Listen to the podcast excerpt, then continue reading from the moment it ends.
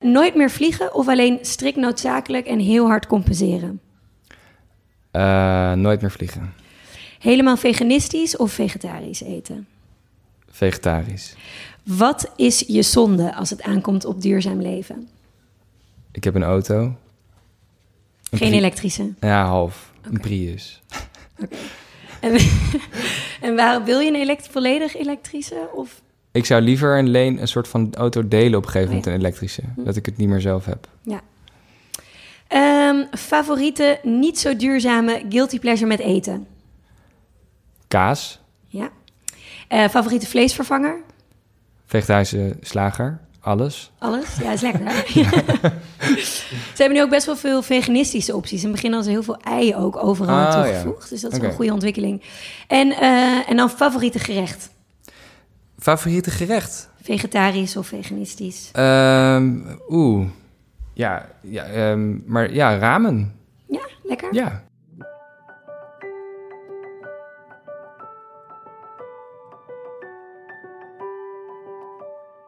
Welkom bij Sla Talks, een serie waar Sla mensen uitnodigt te komen praten over onderwerpen die er wat ons betreft op dit moment toe doen.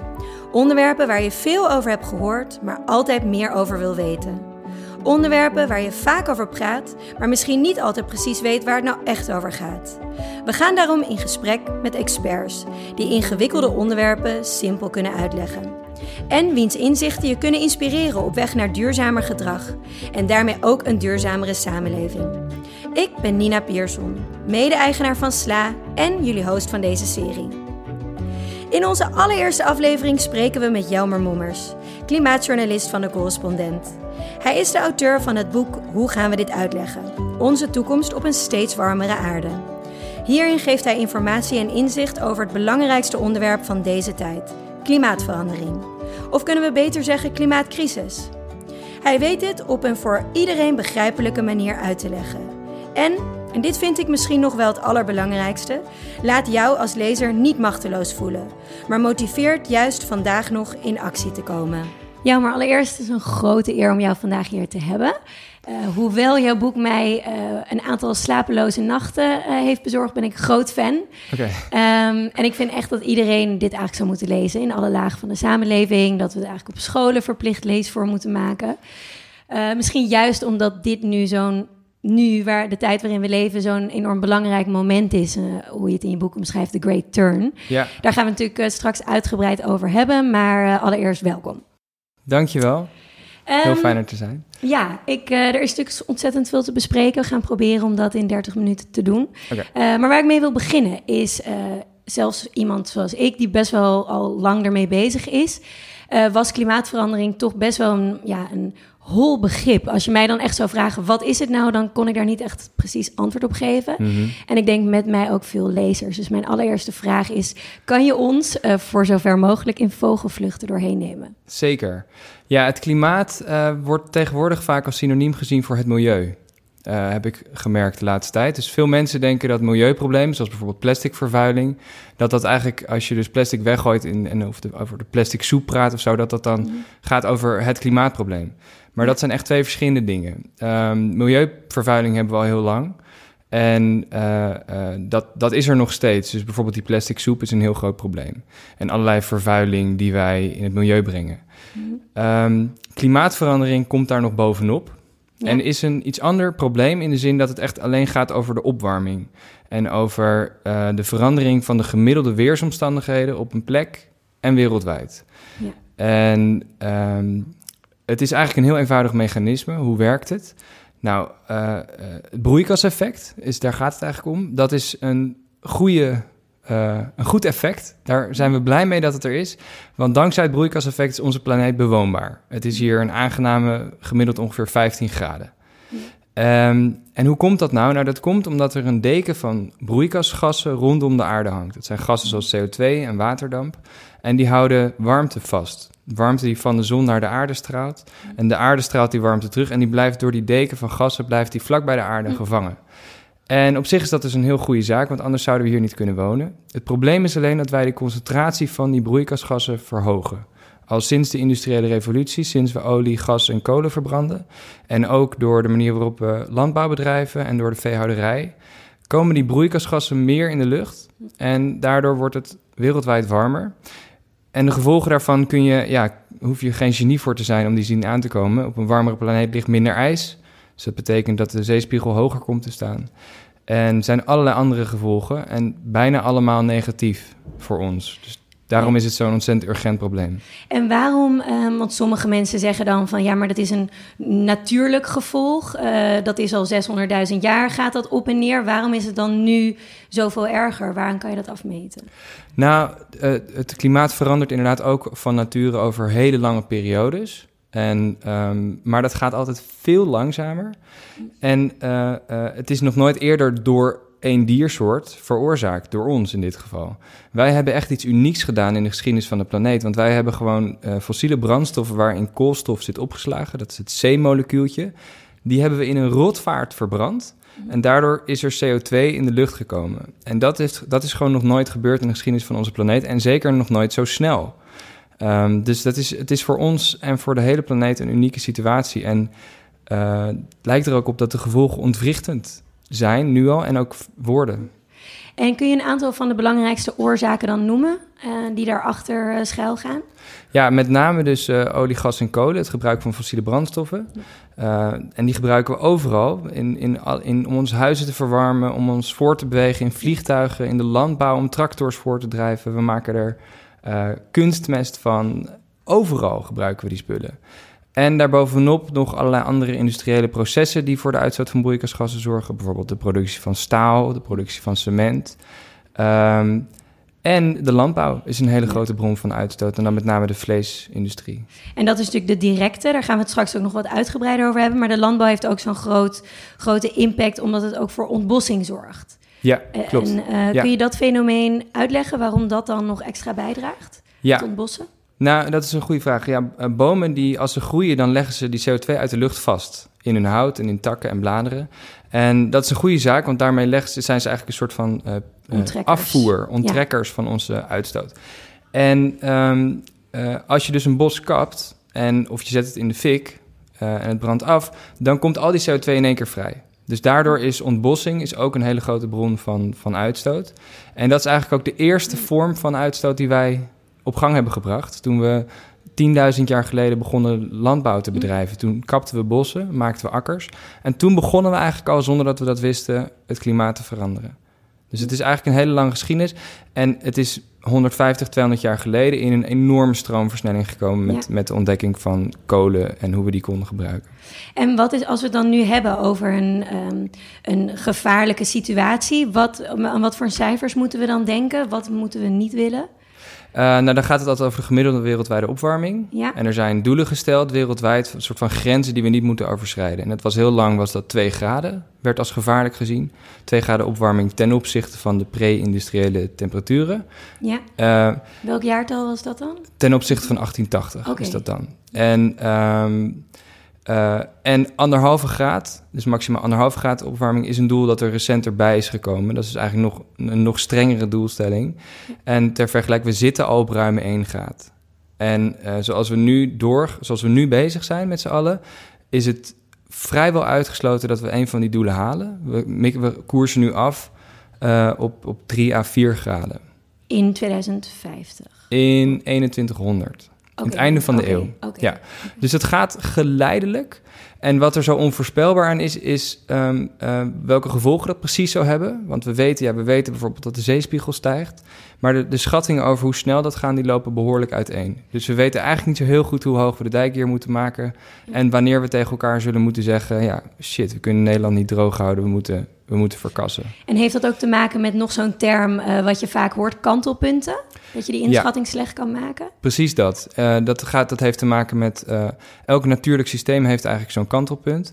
Bijvoorbeeld de smelt van een ijskap op, nou, neem Antarctica. Mm. Daar ligt ongelooflijk veel ijs. En dat smelt nu langzaam. We weten alleen ook dat op een gegeven moment, als het een bepaalde temperatuur heeft bereikt in de atmosfeer, dan zal al dat ijs verdwijnen, wat je ook doet. Het, het is hetzelfde je als dat je een pannetje water met daarin een blokje ijs. Je, ja, je kan het een tijdje opwarmen en misschien eh, heel even is dat ijs er nog. En op een gegeven moment klapt het om en dan verlies je het ook allemaal. Hm. En ehm, ja, dat, dat soort kantelpunten zijn heel moeilijk te voorspellen, maar ze zijn onverbiddelijk. Ja. En Je kan niet meer terug. je kan niet meer terug. En daarom is iedereen die hier zo over in paniek is, heeft gelijk.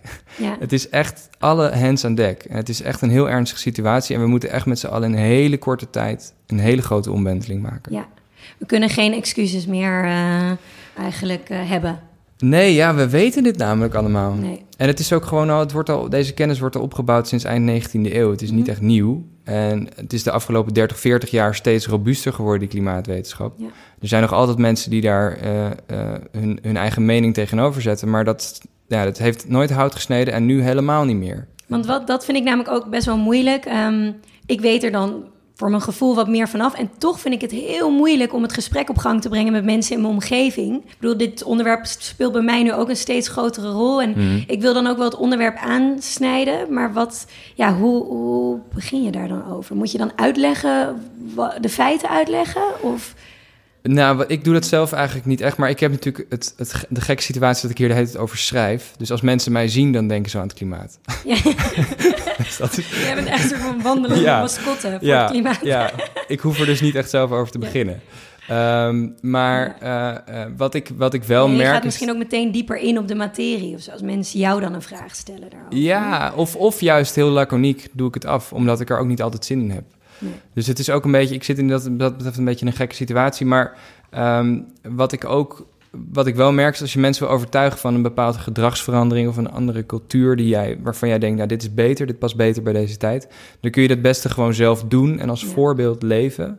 En eh, dan zet je andere mensen sowieso aan het denken. Ja, en daar, wat we dan kunnen doen, eh, daar wil ik heel graag eh, straks uitgebreid op ingaan. Eh, maar eerst nog misschien goed om aan te halen, wat zijn, je hebt er twaalf geloof ik in je boek opgeschreven. We hoeven het niet allemaal te bespreken, maar wat zijn voor jou de belangrijkste misstanden over klimaatverandering die je belangrijk vindt om recht te zetten? Ja, mensen zeggen bijvoorbeeld ehm, eh, dat het klimaat altijd heeft veranderd. Is veranderd. Eh, dus dat is een heel typisch voorbeeld. En eh, dan halen ze dus natuurlijke klimaatverandering uit het verre verleden erbij om te zeggen dat er nu niks aan de hand is. Mhm. Ehm, maar het probleem is nu, zeg maar, het kan wel zijn dat de aarde eerder warmer en kouder is geweest, dat is ook zo. Maar het probleem is nu dat wij met miljoenen mensen in kuststeden wonen. Het probleem is dat wij een, een voedselvoorziening hebben die, aangeslo- die zeg maar, eh, gekalibreerd is op een bepaald klimaat. En in een veel droger of heter klimaat kunnen wij niet zoveel voedsel verbouwen. Ja. En- mislukken de oogsten. Mislukken oogsten. Dus het is, het is, nou, dat is één argument wat je vaak hoort: van het klimaat verandert toch altijd.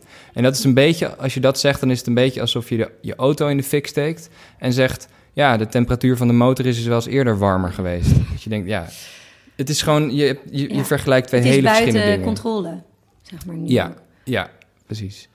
Eh, dus dat is een hele duidelijke. En ja, en er zijn, en er zijn ook Ze wat. ik- zegt van het is hier kouder. Dat hoor ik ook best wel vaak. Van Ja. op sommige plekken is het kouder. Wat zeg je daar dan? eh? Ja, vaak is dat als mensen dat in de, in de zomer zeggen, zeggen ze, nou, nu is het in eh, Zuid-Amerika best wel koud. Ja, daar is het nu winter. Ja, het is nu kouder. Ja, nee, ja. Je kunt niet één uitzondering nemen op een regel en dan doen alsof de regel niet waar is. maar waarom is het dan kouder? Ten gevolge van klimaatverandering op sommige Nou, niet. plekken? Of is het weer onstuimiger? Ja, dus de- inderdaad, dan heb je het over de gemiddelde temperatuurstijging. Die, is, die Ja. gaat omhoog. Ja, Maar op sommige plekken is het dan bijvoorbeeld heel erg koud. ja, dat is dan dat, dat. Ja, god, er zijn best wel. Dan, is het, dan heb je het al gevraagd over weer. En dat is inderdaad onvoorspelbaar. Dat is de korte termijn. En er gebeuren gewoon hele gekke dingen. Eén ding wat nu, waar wetenschappers zich nu het hoofd over breken, is dat je een. Je hebt een soort van eh, luchtcirculatie rondom de Noordpool. Die ervoor zorgt dat de koude lucht rondom de Noordpool, rondom het ijs daar, ook daar blijft. En door de opwarming wordt die meanderende, eh, of die, die, die golfstroom, die gaat meer meanderen. Dus die gaat meer golf vertonen. Waardoor je vaker hebt dat arctisch weer eigenlijk ineens uitzakt. Dat hebben we afgelopen jaar gezien. Was het ineens Amerika echt eigenlijk Ijskoud. Noordpoolweer. Ja, Nou, dat, dat voelt dan als, eh, als zie je wel, die opwarming klopt niet. Maar in feite is het een, een symptoom ervan. ja. En zo is het, het is gewoon best wel een complex systeem. Maar de, de, de duimregel is gewoon meer CO2 in de lucht, is meer opwarming. En is eh, door de balk genomen veel meer negatieve gevolgen voor ons allemaal. Iets anders eh, waar je veel over hoort, het planten van bossen. Eh, we hebben het net ook al even over gehad. Eigenlijk waarom dat zo'n effectieve manier is. Ja. Zie jij dat ook als een verantwoordelijkheid van de overheid om dat, eh, om dat te doen? Eh, ja, Er is ik denk dat het, ruimte. Ja, er is in Nederland vrij weinig ruimte voor. Ja, en wat wel gek genoeg is, eh, heeft een eh, natuurbeheer hier heel erg de nadruk gelegd de laatste jaren op juist het weghalen van bos en het aanleggen van heide en stuifzanden en zo. Hmm. En dat zat in een bepaalde plannen leek dat logisch, maar het lijkt mij heel onlogisch om Ja. te doen, omdat bossen leggen dus, waar we het net over hadden, die leggen CO2 vast. En eh, dat, ja, dat vermogen moeten we vooral gebruiken. Dus eigenlijk waar je ook bomen ziet, die laat ze staan. Dat is Ja. een beetje in ieder geval een soort duimregel. En eh herbebossingsprojecten, ja, daar moet inderdaad ruimte voor zijn. Eh, ik weet eigenlijk persoonlijk niet zo heel goed waar dat in Nederland zou passen. Nee. Maar er zijn zeker... Landbouw misschien op een gegeven moment opgeven. En, Ja, dat... ja, dat is wel best wel... Ja, dat zou kunnen, maar het is best wel lastig. Want er wordt nu ook door die eh windmolenfabrikanten... maar ook door mensen die zonnepanelenprojecten willen... eigenlijk iedereen aast op dat boerenland. Hm. En ook steden dijen steeds verder uit. Dus er staat ontzettend veel druk op. En het is niet helemaal duidelijk wat nou de beste oplossing daarvoor is. Dus dat, daar ben ik ook ik heb nu- ook wel eens gehoord van dat mensen zeiden... ja, nee, bomen planten, eigenlijk of herbebossing... dat is een soort van de oplossing in het probleem. Ja, nou ja, het is super effectief en we moeten dat op hele grote schaal gaan doen, mondiaal. Maar het probleem van dit probleem is dat er niet één oplossing is. Ja. Het is niet goed, alleen dat is niet goed genoeg. Zeker We niet als we net zoveel blijven vliegen nee. en, enzovoort. Eh, iets wat me bijbleef in je boek is de grote kracht van het kleine verschil. Hm. Leg eens uit. Nou ja, we denken vaak, hè, het cliché is als je zelf iets verandert, dan is dat een druppel op de gloeiende plaat. En ik denk echt dat het tegenovergestelde waar is. Ik denk omdat mensen elkaar altijd in de gaten houden, elkaar nadoen aan de lopende band, elkaar ook bevragen over hun gedrag. Dat als jij zelf iets verandert in je eigen leven, dan inspireer je onvermijdelijk anderen. En ook er zijn allerlei indirecte effecten. Je ziet het nu bij vleesvervangers, best wel een goed voorbeeld. Ehm, mensen zijn die op een gegeven moment gaan eten, omdat Mhm. ze geen vlees meer aten. Toen Ja. konden de bedrijven die die dingen maakten innoveren, investeren in nieuwe... Goedkoper maken. Goedkoper maken. Die dingen zijn nu lekkerder. En nu zijn ze te koop bij de McDonald's. De KFC is er mee bezig. eh, Burger King. Ja, dat was allemaal niet mogelijk geweest als mensen niet op een gegeven moment hadden gedacht... ja, ik ga daar toch aan beginnen. Ja. Ook al waren ze in het begin misschien niet heel lekker. Ja. Dus dat soort stappen. Je bent altijd, wat je ook doet... het heeft altijd gevolgen in een bepaalde keten.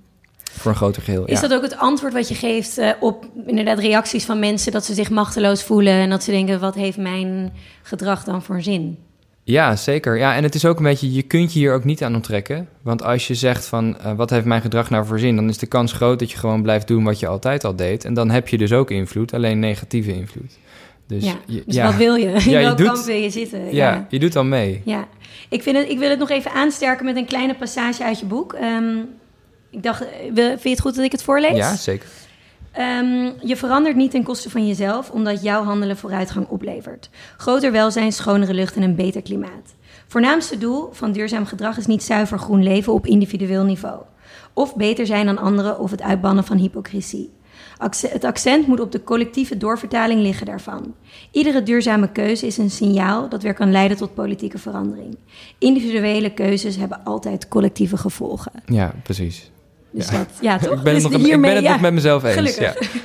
Nee, en dat is, dat, dat is zo mooi, want dat hoor ik ook zoveel in mijn eigen omgeving. Van ja, eh, als je inderdaad eh, de uitstoot helemaal gaat berekenen, ja, dat is verwaarloosbaar. Van dat ik misschien een keer niet vlieg of, eh, of vaker vegetarisch eet. Maar op deze manier weet je gewoon van je, je moet jezelf daarin eigenlijk bescheiden opstellen. Of minder bescheiden opstellen. En, Ja, je hebt wel degelijk invloed. En ook, weet je, het is ook een cultuurverandering waar we in zitten. Ja. En bovendien dat excuus van, ja, wij zijn te klein om een verschil te maken... dat kan eigenlijk ook ieder land zeggen. Want ook niet Ja, één dat land zegt is... Rutte eigenlijk ook. Dat zegt Rutte ook, maar dat zegt de VS ook.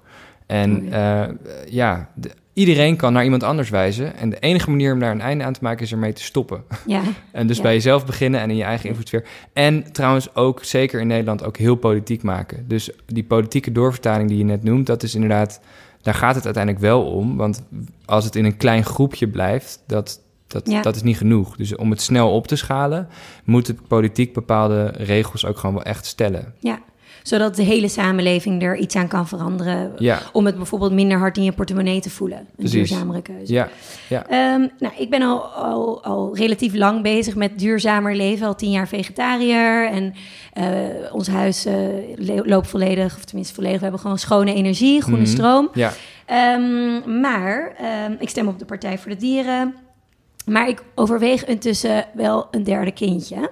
Oké. Uh, en nu blijft de hele tijd dat verhaal van... of Arjan Lubach heeft een keer in een aflevering gezegd... iedereen die meer dan twee kinderen neemt... en toch duurzaam bezig is, is hypocriet. Hmm. Um, dus ik ben heel benieuwd wat jouw standpunt daarin is.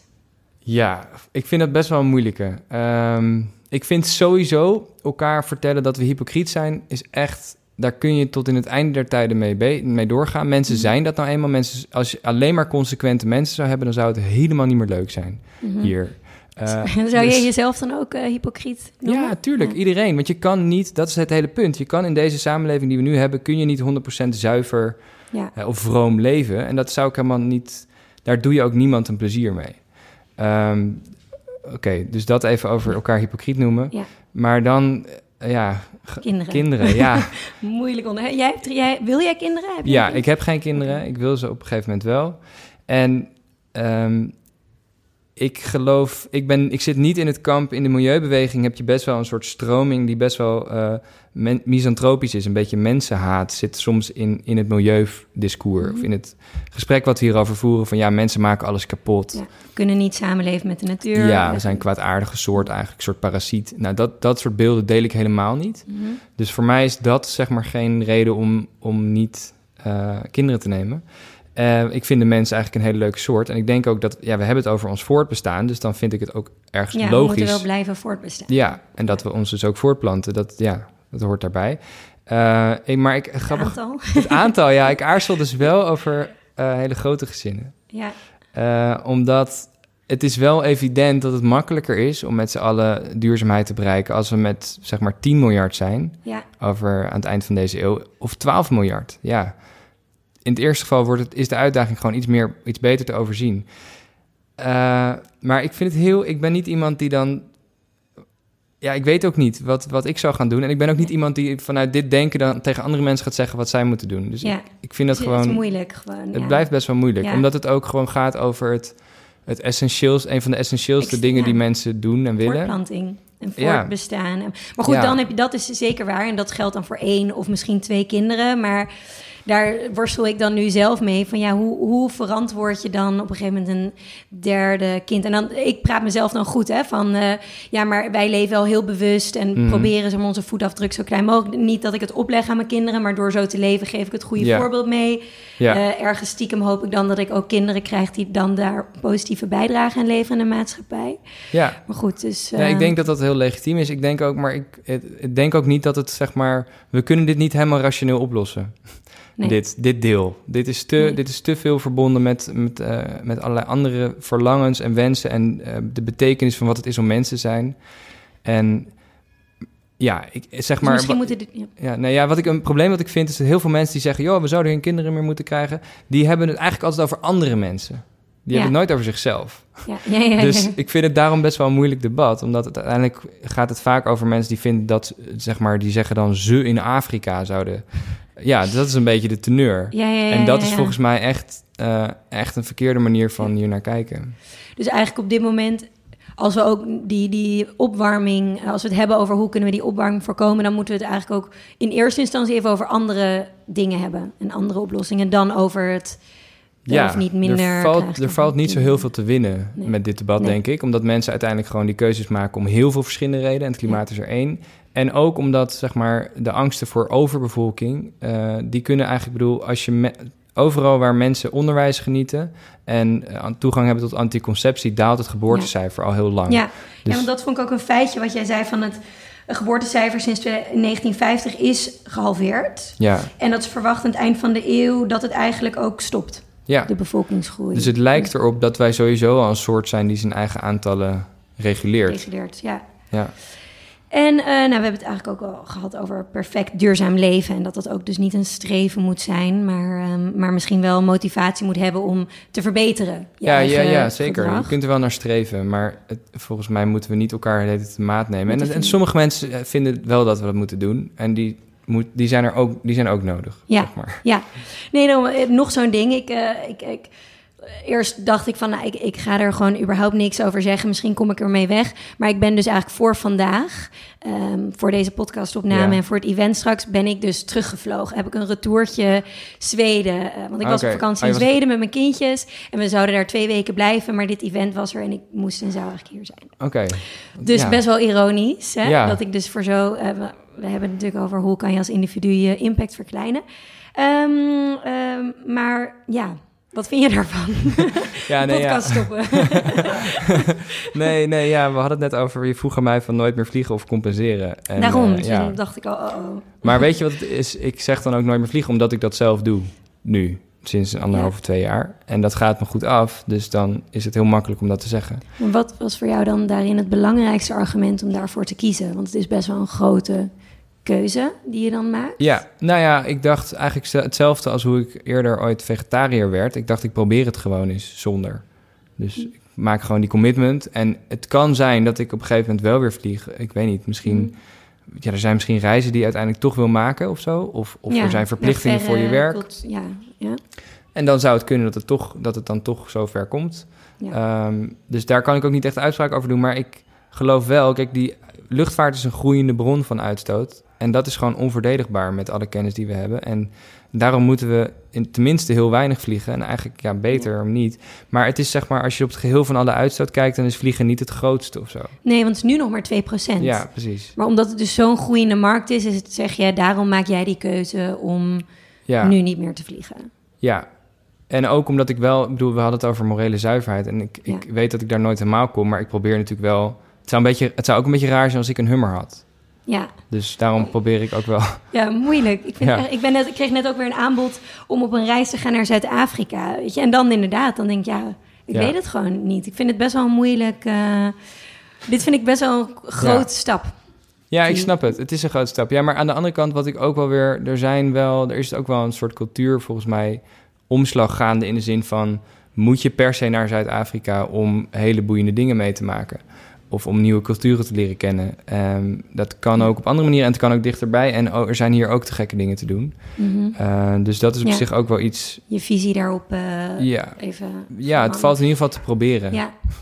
Ja, ehm, je, je schreef ook van als je dan reist en als je dat besluit, dan zijn er ook goede projecten waar je dan je enigszins, voor zover dat mogelijk is, je CO2-uitstoot kan compenseren. Ja. Ik weet, bij KLM zijn die bedragen enorm klein. Dus dat Ja. kan ik me al niet voorstellen dat je daarmee ook maar enigszins iets compenseert. Kun je daar iets meer over vertellen? Ja, nee, dat, nou ja, dat, dat gaat dan. Zij, zij kopen dan eh, een soort van uitstootrechten op. Een beetje een complex verhaal. Maar zij doneren een heel klein bedrag. En daarmee geloven ze dat ze die hoeveelheid CO2 die op jouw ticket zit, compenseren. En het probleem van zulke soort projecten is vaak dat niet helemaal duidelijk is of ze echt zorgen voor extra CO2-reductie. Ja. Dus dat is vaak niet echt aan te tonen bij zulke projecten.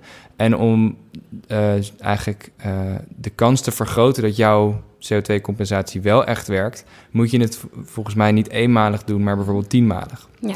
Dus dan uh, stel je je vlucht stoot anderhalve ton CO2 uit, dan, dan compenseer je 15. Ja. En dan, zet je, ja, dan heb je wel degelijk En we, noemen ze een paar bedrijven waar je dat dan kan doen? Of Eh, stichtingen? Of... Ja, ik, ik, eh, Stand for Trees vind ik een, Ja? een, een, goede organisatie. En die hebben ook vaak projecten. Wat, wat ook mooi is, want het is eigenlijk ook soms een soort ontwikkelingshulp. In de zin van dat je een project steunt waar mensen bijvoorbeeld eh, een bepaalde vorm van landbouw beoefenen. En ook een stuk regenwoud beschermen. Zodat zij een inkomen hebben en ook op een gegeven moment op eigen voeten kunnen staan. Maar wel heel erg duidelijk verbonden met het beschermen van bossen. Wat ook een manier is om CO2 uit de lucht te houden. Ja. Eh, dus zulke soort projecten, ja, daar kun je natuurlijk, ja, daar, ze hebben gewoon, die hebben hartstikke geld nodig. Ja.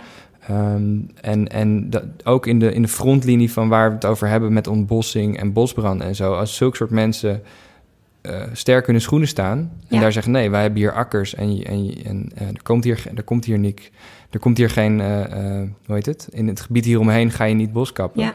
Dan, ja, dan heeft het echt wel invloed. Voor wat het waard is, heb ik mijn vlucht inderdaad keer 10, ehm dus 120 euro of zo. Dat is eh. wel duur ook dan ineens. Ja, daarom. Maar dat vond ik ook wel belangrijk. In jouw boek zei je ook van mensen die het kunnen betalen, kies dan voor een treinticket. Ja. Bijvoorbeeld dat dat dan wel duurder is dan, Ja. een, eh, dan een vlucht. Of zo zie ik het dan, eh, dan moet ik maar gewoon de prijs ervoor betalen. Nou ja, en het wordt. Ja, uitgeven. en vliegen wordt ook wel meteen een stuk minder aantrekkelijk Ja. als je dit doet. Ja, En een, even e- één zijvraag. Ik weet niet of je daar iets over kan zeggen, maar hoe zie je de toekomst van het vliegen? Gaat dat al snel richting een duurzamere vorm? Ik las bijvoorbeeld nu net in de Holland Herald uh, van KLM dat ze een van de meest duurzame vliegtuigmaatschappijen zijn, omdat er maar, nou, het was geloof ik onder de 5% al mm. met bio ge, ja, ja, ja. vastprobeerd. Gerecycled frituurvet, geloof ik. Ja, nee, ja, ze, op zich prijzenswaardige uh, initiatieven, maar het is een beetje zoals bij Shell, die uh, minder dan 5% van hun geld investeren in groen. Uh, dat, het is, ik vind het altijd een beetje eigenaardig als ze daar al heel trots op zijn, want dat betekent dus dat je voor 95% gewoon evident fout bezig bent. Ja.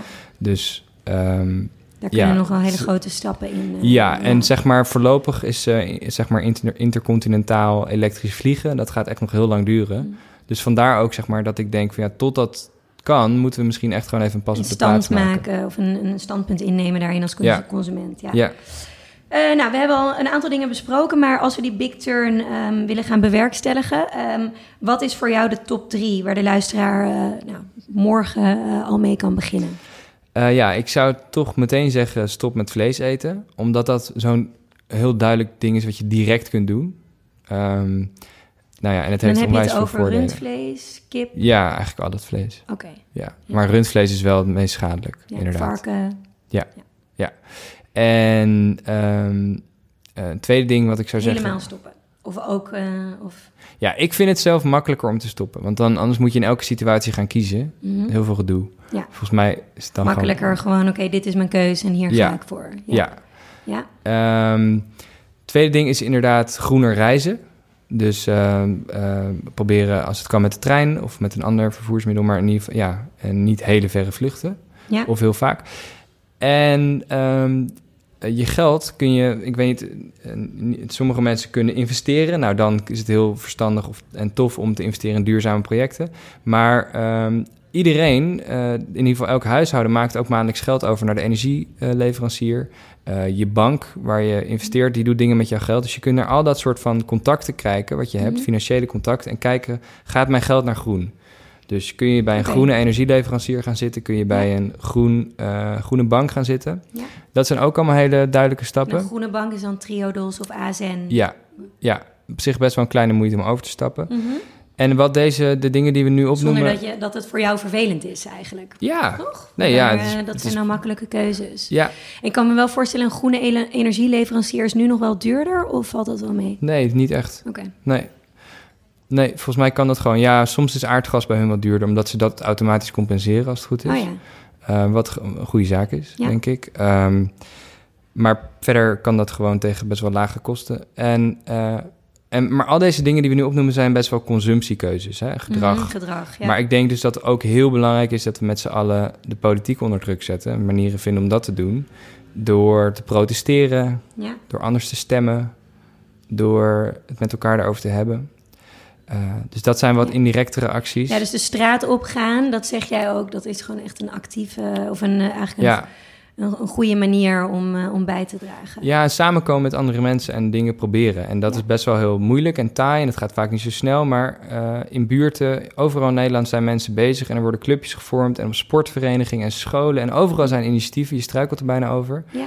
Best wel leuk als je meedoet, dan sta je er ook niet meer zo alleen voor. Ja. En het is, een, het is een heel ander gevoel wat je hebt, denk ik, als je dat doet... dan dat je in je eentje voor een schap in de supermarkt staat... en helemaal moeilijke overwegingen, wat moet ik kopen? Ja, je kan ook met andere mensen samen ergens aan beginnen... en dat voelt heel anders. Ja, ja dat snap ik. Dat is wel een, een goede. Um, uh, even kijken, ik wil het nog even over, over uh, vlees hebben... omdat we hier mm natuurlijk ook bij uh, Sla Talks zitten. Ja. Um, ook even aanhalen wat je had geschreven daarover... Het is alsof je drie keer per dag verkiezingen houdt. Niks kleins aan de keuze die je maakt voor wat betreft je dieet. Iedere maaltijd is een stem voor of tegen een leefbare aarde. Dat is best wel een, een, ja, een goed standpunt. Um, waarmee mensen, denk ik, toch ook wel. Maar goed, dat is misschien ook nodig voor gedragsverandering. Een beetje een schuldgevoel. Uh, ja, maar, maar ja. geven ook tegenwoordig, toch? We, ja, ja, we nou kunnen niet meer denken van, nou, ik doe het alleen maar voor mijn eigen Nee, nee, en ik vind ook die, die jonge activiste Greta Thunberg, wat zij zegt, uh, vind ik heel goed hierover. Die zegt, in een crisis verander je je gedrag. En dat, daar gaat het volgens mij om. Je, het is gewoon raar om te blijven doen alsof er niks aan de hand is. Ja. En uh, zo'n keuze, het gaat niet per se zo'n keuze voor een ander dieet maak je wat mij betreft niet per se uit schuldgevoel, maar omdat je weet dat het werkt. Ja. Dat is voor mij gewoon. Want er zitten ook andere belangen bij. Het is niet alleen maar voor het milieu, maar Ja. kun je daar nog iets over vertellen? Wat voor voordelen het voor ons oplevert? Volgens mij 10% minder Ja. uitgaven in het... eh, Klopt. Ja, sorry, ik heb die cijfers. Ja, jij hebt het. Beter ongeveer. Ja, ja inderdaad. Maar eh, eh, het, het is goed voor de volksgezondheid. Als we, er zijn heel veel mensen die te veel vlees eten. Te Ja. veel rood vlees Ja. met name. Dat is een soort verzamelnaam voor inderdaad rundvlees en varkensvlees. En dat is ehm, eh, niet altijd even gezond. Dus als je dat minder doet en dat vervangt door een plantaardig dieet, dat is eigenlijk ook nog eens gezonder. Ja. Dus zo zijn er voordelen. Maar het is ook, ik bedoel, ehm, heel veel boeren zitten ook in een soort knel waarin ze steeds grotere bedrijven moeten hebben om te kunnen blijven concurreren. Die zitten eigenlijk in een soort race to the bottom. Mhm. Wat ook helemaal niet fijn is. Dus het is ook als je bereid bent om meer te betalen voor je eten en ander eten koopt, dan stel je ook die mensen in staat om misschien andere keuzes te maken. En jij ziet niet een wereld dus, eh, of jij denkt niet dat het nodig is om een wereld te creëren waarin er dus geen ruimte meer is voor vleesconsumptie. Eh, met andere woorden, denk je dat we met z'n allen over moeten stappen op een plantaardig dieet? Of is bijvoorbeeld een vegetarisch dieet of heel Ja. af en toe wat vlees ook al voldoende? Eh, nou, ik geloof de voordelen voor het klimaat zijn nog groter in een helemaal veganistisch dieet. Ehm, dus ja, dat zou nog beter zijn. Aan de andere kant kunnen veedieren ook eh, voedselresten eten uit onze fabrieken waar wij verder niks mee doen. Ja, Eh, en je kunt de- dieren ook houden in natuurlijke systemen, in, bijvoorbeeld in bossen. Eh, Hm. Dat is best wel een mooie vorm van veehouderij, is dat je gewoon koeien of varkens in een bebost stuk land laat grazen. Oh ja. En dat heeft allerlei voordelen voor de bodem daar, voor de kwaliteit van het vlees. En die Ja. beesten hebben dan ook een mooi leven. Dus dat vind ik dan toch weer een ander verhaal. Ehm, maar ik denk wel, zolang zeg maar, de standaard vleesconsumptie uit de vleesindustrie komt, is het beter om het gewoon helemaal niet te doen. Ja, ik geloof zelfs eh, dat als iedereen zou overstappen op een vegetarisch dieet, dus met gematigde zuivel en eh, zuivelconsumptie of ei, dat het dan de CO2-reductie eh, met iets van 45% of zo. ja, ja dat is de, maar dat is dan wel de CO2 voetafdruk van, het voedsel. Van de voedselvoorziening. En dan zit je dus nog met al die fossiele energie, helaas. Oké. Ja, dat is een hele grote stap. Eh, eh, als laatste eigenlijk nog twee dingen. Ehm, in jouw boek heb je het helemaal niet over spullen. Eh, gedragsverandering op het gebied van consumeren van spullen. Voor mij was dat een verademing, want ik, dat is ook een van mijn sins als het aankomt op duurzaam leven, dat ik dat mhm. nog wel moeilijk vind. Ik wil even meenemen, afgelopen week, ben er wel al nee, laat ik beginnen met waarom, waarom heb je daarvoor gekozen om dat er niet in op te nemen? Eh, ja, het is, het is best wel een, een moeilijke som om te maken van wat heeft nou de meeste impact. In de meeste studies die ik ken, komt het kopen van spullen niet als hoogste uit de bus. Hm. En ik weet dat in een boek van... eh, Babette Porselein bijvoorbeeld, ja. Babette Porselein wel. Eh, ik heb wel eens naar die sommen gekeken en ik ben niet helemaal overtuigd dat zeg maar, spullen nou echt de grootste CO2-impact hebben. Ik geloof echt dat vlees en fossiele brandstoffen Veruit veel- de grootste. Ehm, maar natuurlijk, het is duidelijk dat als je bijvoorbeeld heel veel spullen bestelt die met een containerschip of per vliegtuig naar je toe komen, of je eet het hele jaar avocado's, ja, Ja. dat heeft een enorme voetafdruk. Dat Ja. is logisch, want er zit heel veel transport aan vast en Ja. dat is allemaal fossiel. Dus eh, dat, is, dat is wel echt een heel, heel belangrijk punt. Ja, Het is maar ook goed, je moet ergens beginnen, inderdaad. Ja, maar voor mensen die al bijvoorbeeld vegetarisch eten, is dat zeker wel dus een belangrijke... Ik denk ook dat die er vanzelf op uitkomen. En Ja. mijn boek is ook een beetje voor zeg maar, mensen die eigenlijk dit debat nog niet helemaal Hm. zich eigen hebben gemaakt en benieuwd zijn van nou, hoe zit het nou? Ja. En ja, dan is, is denk ik minder spullen misschien niet de eerste stap. Ja. Ik ben wel benieuwd hoe, hoe jij omgaat met de- dit soort keuzes. Dus van de week, volgens mij een, een belangrijke omwent of een verandering in het kopen van spullen is uitgaan van een circulaire economie. Mhm. Ehm, dus ik probeer nu dan ook geen minder nieuwe spullen te kopen, maar nu dan Ja. tweedehands voor mijn dochtertje een loopkar op Marktplaats.